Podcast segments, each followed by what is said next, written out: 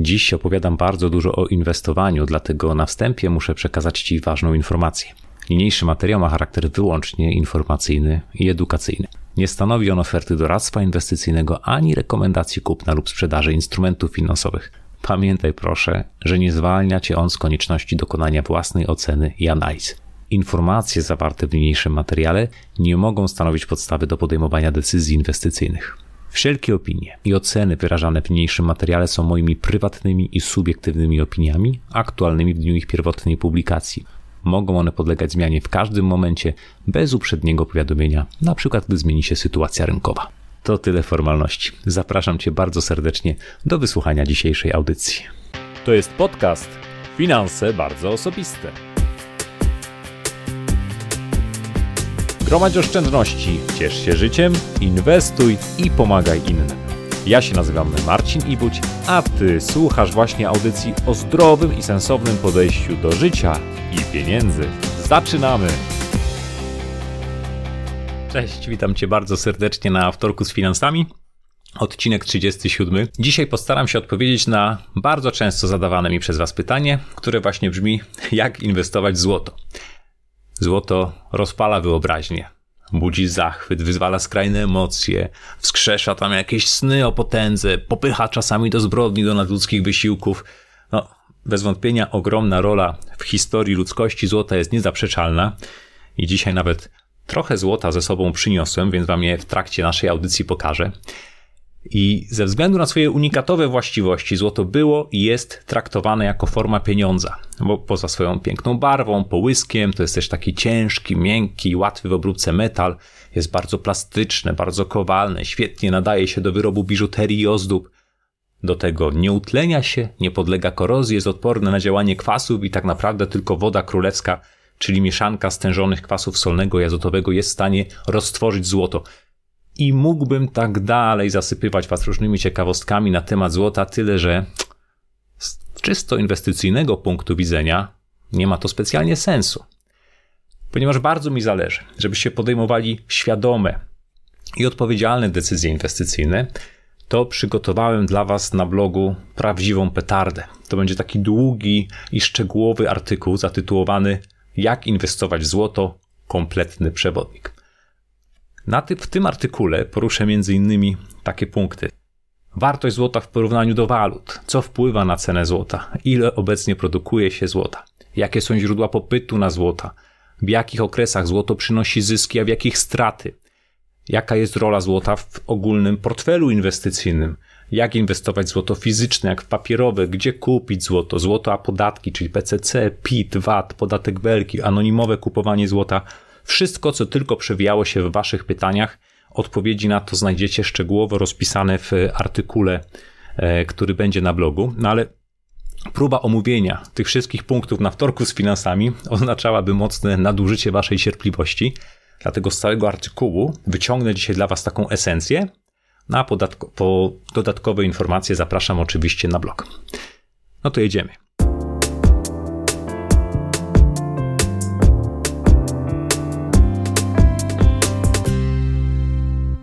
Zacznę w bardzo nietypowy sposób, bo zacznę od polemiki z osobą, którą bardzo podziwiam i bardzo cenię jako inwestora.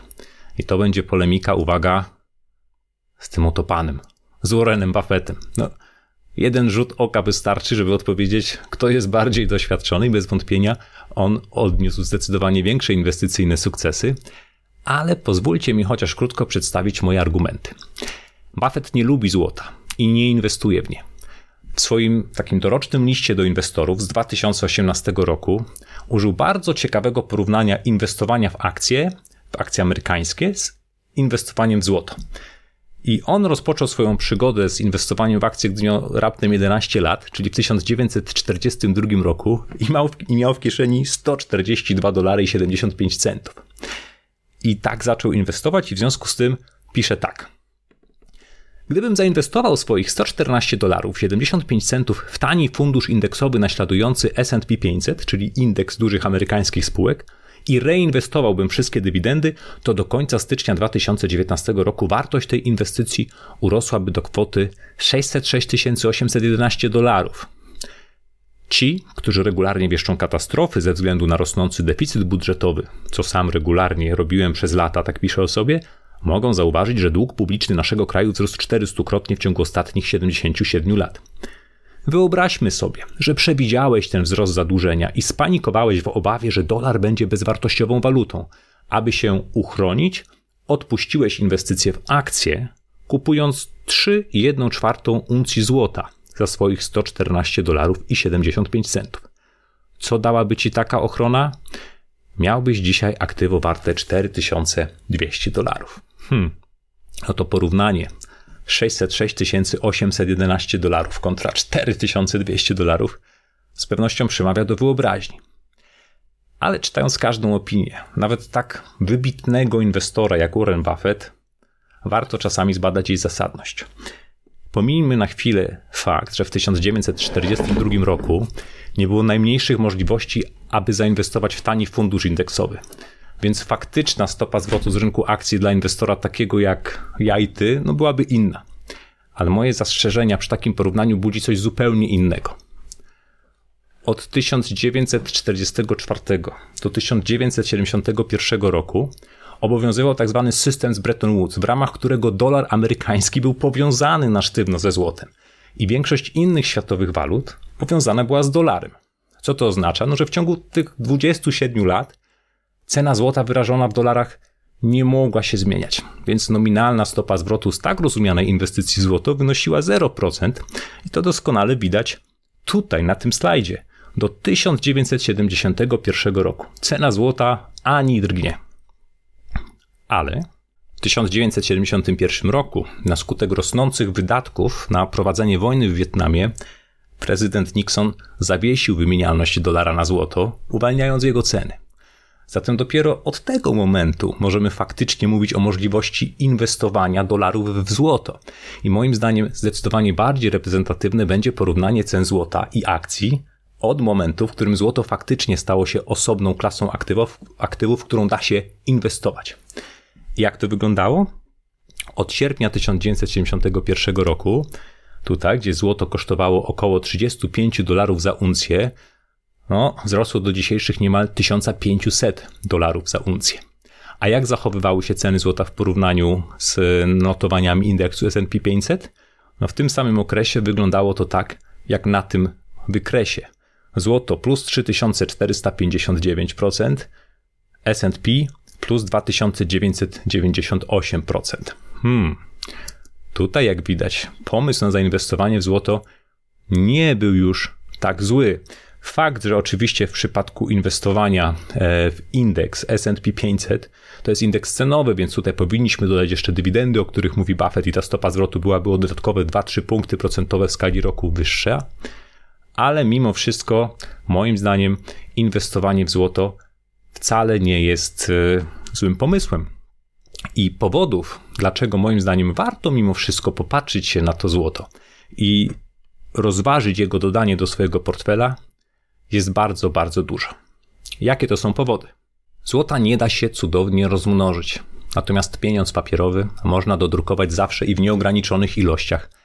I wartość takiego pieniądza nie wynika z możliwości jego wymiany na jakiekolwiek dobro, na jakiś kruszec. On nie jest niczym poparty, tylko ta wartość opiera się na zaufaniu do emitenta. No, co to jest emitent? Emitentami są oczywiście banki centralne poszczególnych państw, czyli po prostu grupa konkretnych osób realizujących konkretne interesy. I właśnie być może dlatego na banknocie 100-dolarowym i w ogóle na amerykańskich e, banknotach umieszczono dodatkowo napis In God We Trust tak żeby sprawić wrażenie, że coś większego niż słaba ludzka wola stoi za wartością papierowej waluty, ale obawiam się jednak, że nie stoi. I najlepszą ilustracją tego, jak daleko rządy i banki centralne potrafią się w tym zagalopować, niech będzie takich kilka zdjęć z czasów Republiki Weimarskiej z roku 1923. Jak możecie zaobserwować, papierowe pieniądze świetnie nadawały się wtedy do palenia w piecu, znakomicie sprawdzały się w roli zabawek, ale na pewno, na pewno nie można było za nie zbyt wiele kupić. Dla porównania cena jednej marki niemieckiej, złotej marki niemieckiej, wyrażonej w markach papierowych, zachowywała się w tym okresie tak jak tutaj. zobaczcie, spokojny gdzieś tam wzrost, aż od końca 1922 roku jedna marka złota, która wtedy była warta około 100 marek papierowych, straci, zyskała tyle na wartości, że potem już była warta, ile tu mamy? 12 zer, czyli 1000 miliardów, bilion, bilion marek papierowych. No oczywiście hiperinflacja w Republice Weimarskiej jest takim skrajnym przykładem utraty wartości przez papierowe pieniądze, ale ostateczny los każdego fiducjarnego pieniądza, którego z roku na rok z definicji przybywa, jest przesądzony w momencie jego narodzin. I bardzo dobrą ilustracją tego, co dzieje się z wartością pieniądza papierowego w relacji do złota, jest taki oto wykresik.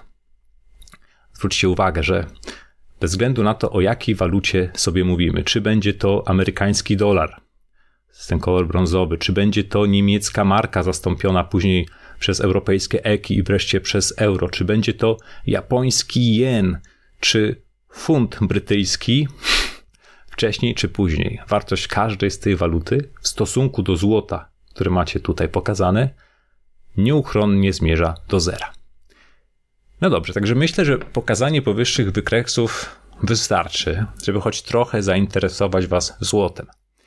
Zanim jednak podejmiecie decyzję o tym, czy warto zamienić złotówki na kawałki metalu, omówmy sobie od czego zależy cena złota. Na rynkach finansowych cena jest zawsze wypadkową podaży i popytu. No to zobaczmy sobie, jaka jest podaż złota i jakie są źródła tego popytu. Na całym świecie działają ogromne kopalnie, produkujące obecnie około 3000 ton złota rocznie. Czy to dużo? No, szacuje się, że całe złoto znajdujące się obecnie na powierzchni Ziemi waży około 193 400 ton, czyli ta roczna podaż złota zwiększa obecną ilość złota o jakieś 1,6% rocznie. Gdybyśmy utrzymali tę roczną produkcję e, na, w tempie 3000 ton rocznie, no to podwojenie obecnego zasobu zajęłoby nam jakieś 64 lata. Dla porównania, w ciągu jednej godziny ludzkość produkuje więcej stali niż wydobyła złota w całej swojej dotychczasowej historii. Jak taka ilość złota, te 193 400 ton wygląda? No, widać na załączonym obrazku. Zwróćcie uwagę, że gdybyśmy wszystkie monety, sztabki, biżuterię i złote fragmenty różnych wyrobów stopili w jedną wielką sztabę, to uzyskalibyśmy taki sześcian o boku długości około 21,5 metra. I ten sześcian wyglądałby mniej więcej tak. Czyli no, tak by wyglądał w porównaniu z domem, tak by wyglądał w porównaniu z tirem, a samochód no, nie mógłby za bardzo tutaj poszaleć. Mamy tu piękny amerykański pick-up, który raptem przejechałby niewielką odległość. To jest grafika sprzed kilku lat. Wtedy podaż złota wynosiła 166,5 e, tysiąca ton. Teraz ten sześcian byłby o mniej więcej 1 metr, ten jego bok byłby dłuższy. I teraz pytanie. A gdzie znajduje się to całe złoto? No, według danych World Gold Council fizyczne złoto rozlokowane jest w następujący sposób. Biżuteria 48% to jest jakieś 92 tysiące ton. E, sektor oficjalny, czyli banki, banki centralne, to jest 17%, w nich jest jakieś 33 tysiące ton złota. Sztabki i monety to około 20%. ETF-y i tym podobne wehikuły inwestycyjne to raptem 1% dostępnego w tej chwili e, na powierzchni złota. No i jeszcze są inne, tak zwane nieujawnione, to jest około 14%. To są oczywiście szacunki, bo nikt do końca nie wie. Ta specyfika podaży złota polega na tym, że w przeciwieństwie do wielu innych surowców, złoto nie ulega korozji czy innym niszczącym procesom, w związku z tym całe wydobyte złoto jest ciągle dostępne. Co więcej, złoto wydobywane dziś jest wymienne w proporcji 1 do 1 ze złotem wydobytym przed tysiącami lat. I raz kupione na rynku, a zazwyczaj znika z niego na długie dekady, spędzając czas w różnego rodzaju szufladach z biżuterią, sejfach czy po prostu w bankowych skarbcach. Jedynie niewielka część wydobytego złota trafia z powrotem na rynek i zmienia właściciela. I w ciągu ostatnich 10 lat mniej więcej 70% rynkowej podaży złota to stanowiło po prostu bieżące wydobycie, a tylko 30% pochodziło z recyklingu. I przy populacji na poziomie 7,6 miliarda osób na jedną osobę przypada dzisiaj około 25 gramów złota. No to podaż mamy z głowy, a skąd bierze się popyt na złoto? I tutaj mam też taką grafikę, zobaczcie. W ciągu ostatniej dekady, czyli to jest średnia z lat 2009-2018, źródła popytu na złoto wyglądały następująco. 51% było zużywane przez, e, przy produkcji biżuterii, 9% w różnego rodzaju e, technologiach. W każdym telefonie komórkowym jest e, parę mikrogramów złota. 27% szło na produkcję właśnie sztabek i monet. ETF-y i tym podobne zgłaszały popyt mniej więcej na 3% produkowanego złota i banki centralne 10%. Zatem większość konsumowana była w procesie wytwarzania biżuterii, jedną trzecią stanowił popyt inwestycyjny, 10% znikało w skarbcach banków centralnych, a 9% zużywane było w przemyśle technologicznym. I moim zdaniem szczególnie interesująco wygląda zachowanie banków centralnych. Przed wielkim kryzysem finansowym w 2008 roku wiele, w zasadzie większość banków centralnych wyprzedawała swoje rezerwy złota.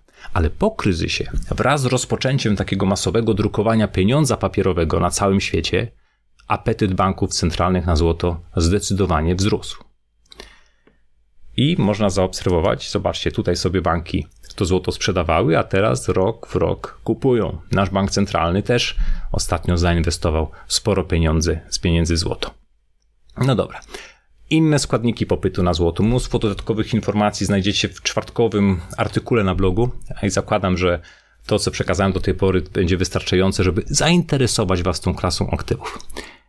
No i teraz takie pytanie, które bardzo do mnie e, często e, trafia. Ile można zarobić na złocie? No jest bardzo ciekawe, bo tak, złoto nie wypłaca dywidend, nie wypłaca odsetek, nie wypłaca żadnych czynszów. Ba, w zasadzie można powiedzieć, że ono wyciąga nam pieniądze z portfela wtedy, gdy uwzględni się koszty przechowywania złota. I biorąc to pod uwagę, oczekiwana stopa zwrotu z inwestycji w złoto, taka teoretyczna, powinna być ujemna. Ale jak pokazują dane historyczne, które Wam pokazałem, w praktyce wygląda to zdecydowanie inaczej. I takie porównanie średniej rocznej stopy zwrotu z inwestycji w złoto w odniesieniu do różnych klas aktywów na koniec 2018 roku wyglądało tak jak na tym slajdzie. Złoto to jest ten tutaj e, właśnie złotawy kolor w porównaniu do gotówki, w porównaniu do amerykańskich obligacji, do akcji z rynków wschodzących, e, do e, ogólnego rynku akcji amerykańskich i wreszcie do innych surowców. Jak widzicie, generalnie złoto radziło sobie dobrze zarabiało dobrych kilka procent, no od, od tego 71 roku nawet w granicach 10% średnia roczna stopa zwrotu. Nie oznacza to jednak, że na złocie nie da się stracić. Zmienność cen złota jest w zasadzie porównywalna do zmienności cen akcji i mogą występować bardzo długie okresy, w których złoto traci na wartości. Dla przykładu, na górce we wrześniu 1980 roku uncja złota kosztowała 698 dolarów, a 20 lat później, czyli w roku 2000, już tylko 272 dolary. To oznacza, że inwestor, który uległ takiej czasowej gorączce złota, napalił się na zyski, dwie dekady później ciągle miał tylko 38% nominalnej wartości początkowego kapitału. Potem złoto znowu zaczęło zyskiwać na wartości ale to, co chcę Wam przekazać, to fakt, że złoto należy rozpatrywać w kategorii inwestycji bardzo długoterminowej. Inwestycji, którą planujemy trzymać w swoim portfelu przez długie dekady.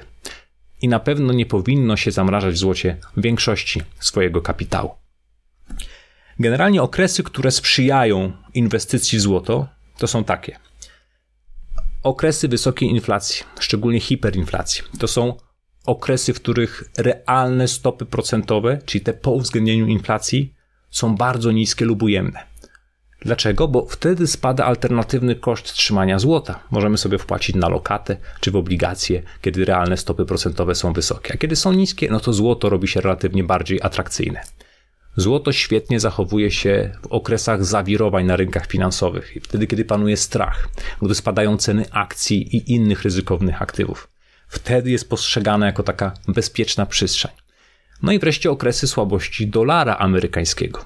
Złoto notowane jest w dolarze, więc osłabianie się dolara do koszyka innych walut oznacza po prostu wzrost notowań złota.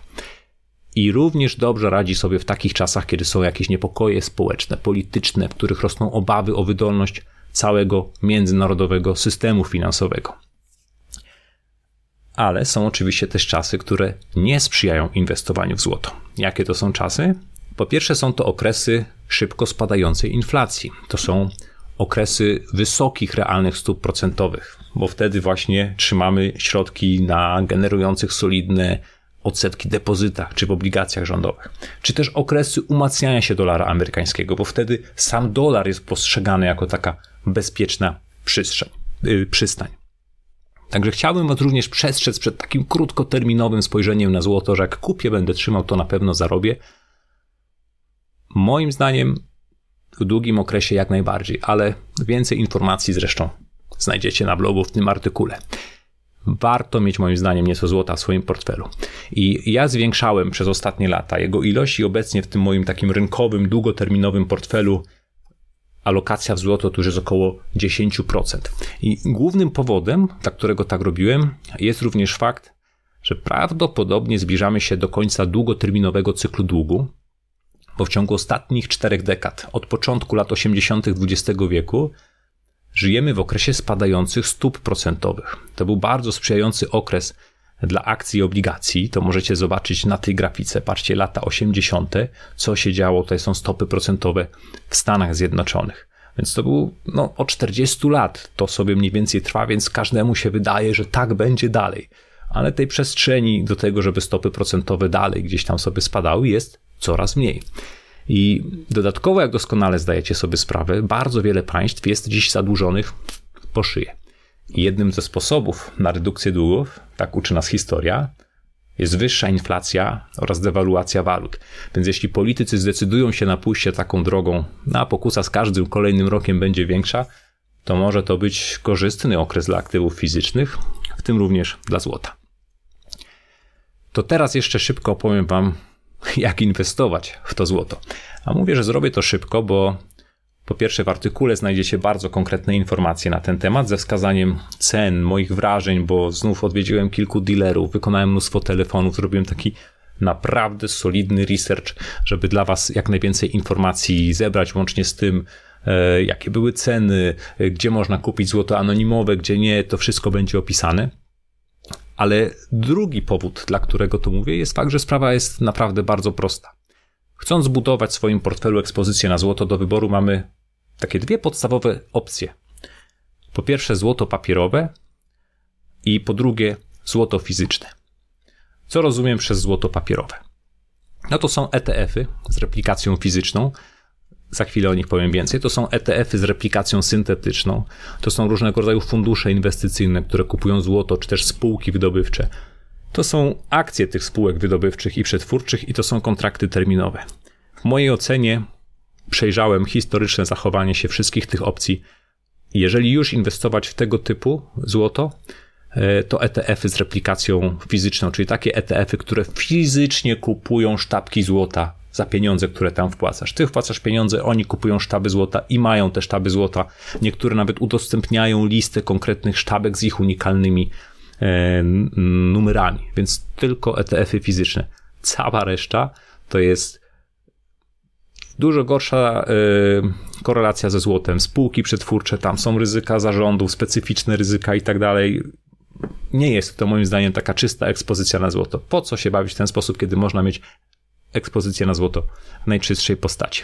E, w przypadku tych ETF-ów zaletą jest to, że nie ma wtedy problemu z przechowywaniem złota, ale jest również wada i ta wada polega na tym, że kiedy sprzedajemy taki ETF, no to trzeba będzie uiścić podatek od zysków kapitałowych, bo to jest jednak instrument finansowy.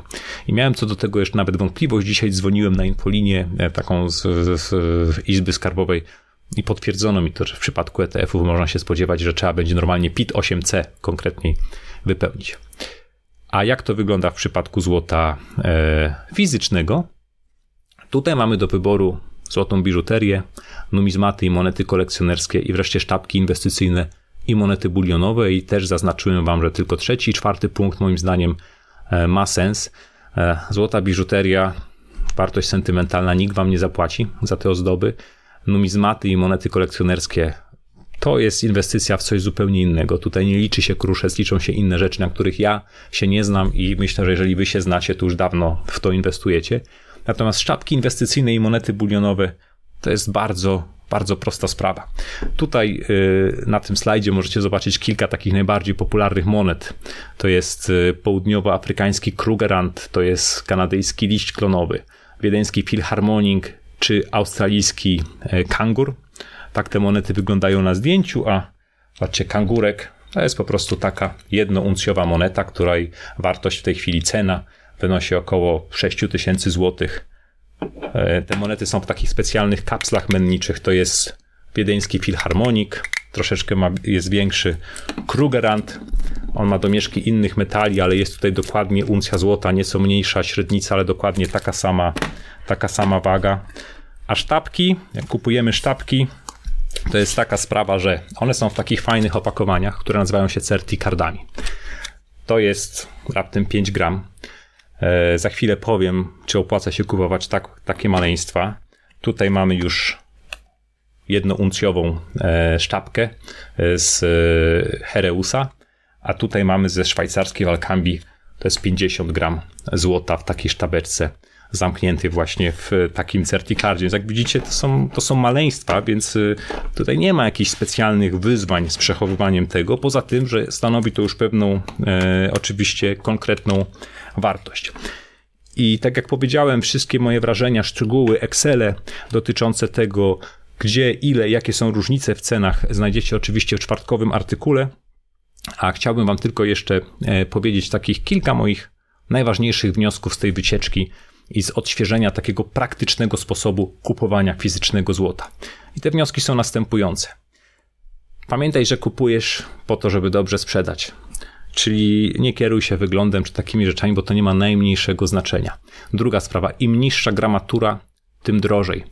W odniesieniu do rynkowej ceny złota w danym dniu, te najmniejsze sztabeczki, najmniejsze monety kupuje się z mniej więcej 15% premią ale już jedno uncjowe z około 3% premią. Dokładnie też w tabelce to zestawię, więc myślę, że tak od 10 gram w górę to jest minimum, ale po prostu kupowanie jednouncjowych y, monet, czy jed, bulionowych, czy jednouncjowych y, sztabek y, to zdecydowanie ma sens. Kolejna sprawa. Monety często są droższe od sztabek. Przetestowane w praktyce nie ma sensu przepłacać za monety. Kupując sztabki, E, spokojnie, znaczy inaczej, nikt, kto chciał odkupić ode mnie w żadnym punkcie, w każdym z tych punktów, które odwiedziłem, to złoto, nie zwraca uwagi, czy to jest moneta, czy sztabka. Zawsze miałem oferowaną cenę za e, uncję złota. Co więcej, sztabki brano praktycznie w ciemno, bo one są w tych certikardach, nic im nie ma. Każda moneta była badana e, lubką mm, czy nie ma jakichś rysek, czy innych rzeczy, dlatego że osoby, które po prostu później odkupują te monety, też zwracają na to uwagę. Więc cały tam mit, że monety lepiej kupować, a nie sztabki, bo bicie monet jest droższe niż bicie sztabek, bo monety są powszechnie znane na całym świecie, a sztabki nie, bo sztabki łatwiej podrobić niż monety, że łatwiej sprawdzić autentyczność monet, tam taką linijką y, menniczą, e, czy że monety łatwiej sprzedać. Nie ma z tym najmniejszego problemu. E, za sztabki, za monety wszędzie miałem proponowaną dokładnie taką samą cenę, więc nie ma sensu przepłacać. To, na co warto uważać, to najlepiej kupować te produkty z uznanych mennic, takich, które należą do LBMA, czyli London Bullion, e, Bullion Market Association. Mm, no nie sprzedajemy złota w lombardach, bo tam zawsze dostaniemy cenę złomu, albo nawet dużo, dużo niższą i zawsze próbują naciągnąć, że e, to nie taka próba, to nie są 24 karaty, bez sensu. E, warto negocjować, słuchajcie, bo jak się poda na przykład dealerowi cenę, że ale dlaczego u was tyle kosztuje? Ja tu sprawdziłem o konkurencji i widzę, że cena wynosi tyle i tyle, oni to też wiedzą.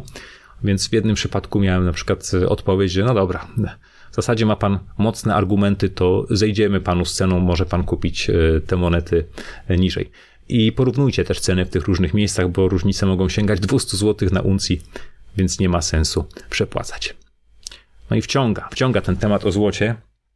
Jak widzicie, ja bym tutaj mógł jeszcze wam popowiadać sporo, sporo ciekawostek, bo E, no jest coś przyjemnego w tym, że gdzieś tam, bez względu na to, co się dzieje na rynkach finansowych, bez względu na tym, co się dzieje e, w systemie finansowym, bez względu na to, czy są drukowane pieniądze, czy nie, jest jakiś taki składnik portfela, który daje nieco tego e, spokoju i pewności.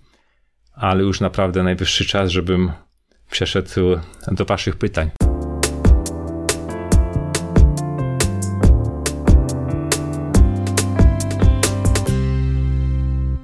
Czy warto inwestować we własny udział w szkoleniach czy kursach dających wymagania, licencje, mających na celu zbudowanie kolejnego źródła przychodu przed zbudowaniem pełnej poduszki finansowej? Co do zasady, co do zasady warto w to inwestować, ale nie inwestowałbym to przed zbudowaniem poduszki finansowej, bo za chwilę się okaże, że y, uczestniczyć w super szkoleniach i jesteś zadłużony y, po szyję bo wydarza się to, przed czym macie ta poduszka finansowa chronić. Więc moim zdaniem warto o finanse e, dbać w odpowiedniej kolejności. Jeżeli nie masz poduchy, to zaciśnij, weź się w garść i do roboty i zbuduj ją jak najszybciej. Te szkolenia powinny być tylko dodatkową motywacją. Angelika pyta, no właśnie, gdzie trzymać kupione złoto? To jest bardzo dobre pytanie, odpowiedź nie jest prosta. To znaczy nie jest prosta, bo co, no, nie powiem wam, gdzie trzymam złoto. Trzymam w niejednym sejfie, powiem w ten sposób. Natomiast nie no, safe, trzeba mieć safe. Jak już tych ilość tego złota jest, e, jest większa, można to trzymać w sejfie swoim, czy gdzieś tam u zaufanej rodziny. E, można oczywiście trzymać też w skrytkach bankowych, ale na przykład w Warszawie o skrytkę bankową naprawdę jest trudno. E, sprawdzałem w kilku bankach i no, takie jak mBank się wycofał niedawno ze skrytek bankowych, ING w ogóle ich nie, e, nie prowadzi. PKO BP na infolinii dowiedziałem się, że tak kilka skrytek bankowych jest. E, roczny koszt to około 600 zł.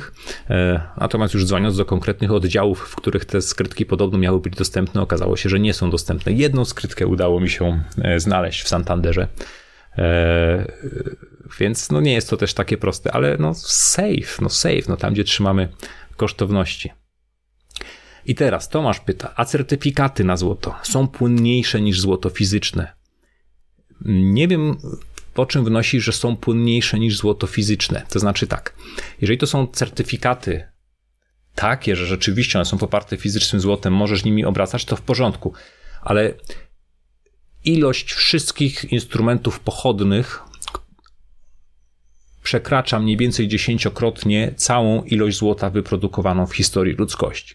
Jeżeli w pewnym momencie wszyscy posiadacze tych instrumentów pochodnych, albo przynajmniej część z nich, zgłosi się z uprzejmą prośbą, czy ja mógłbym dostać moje złoto, na które mam certyfikat, no to się okaże, że tego złota nie ma, że go brakuje.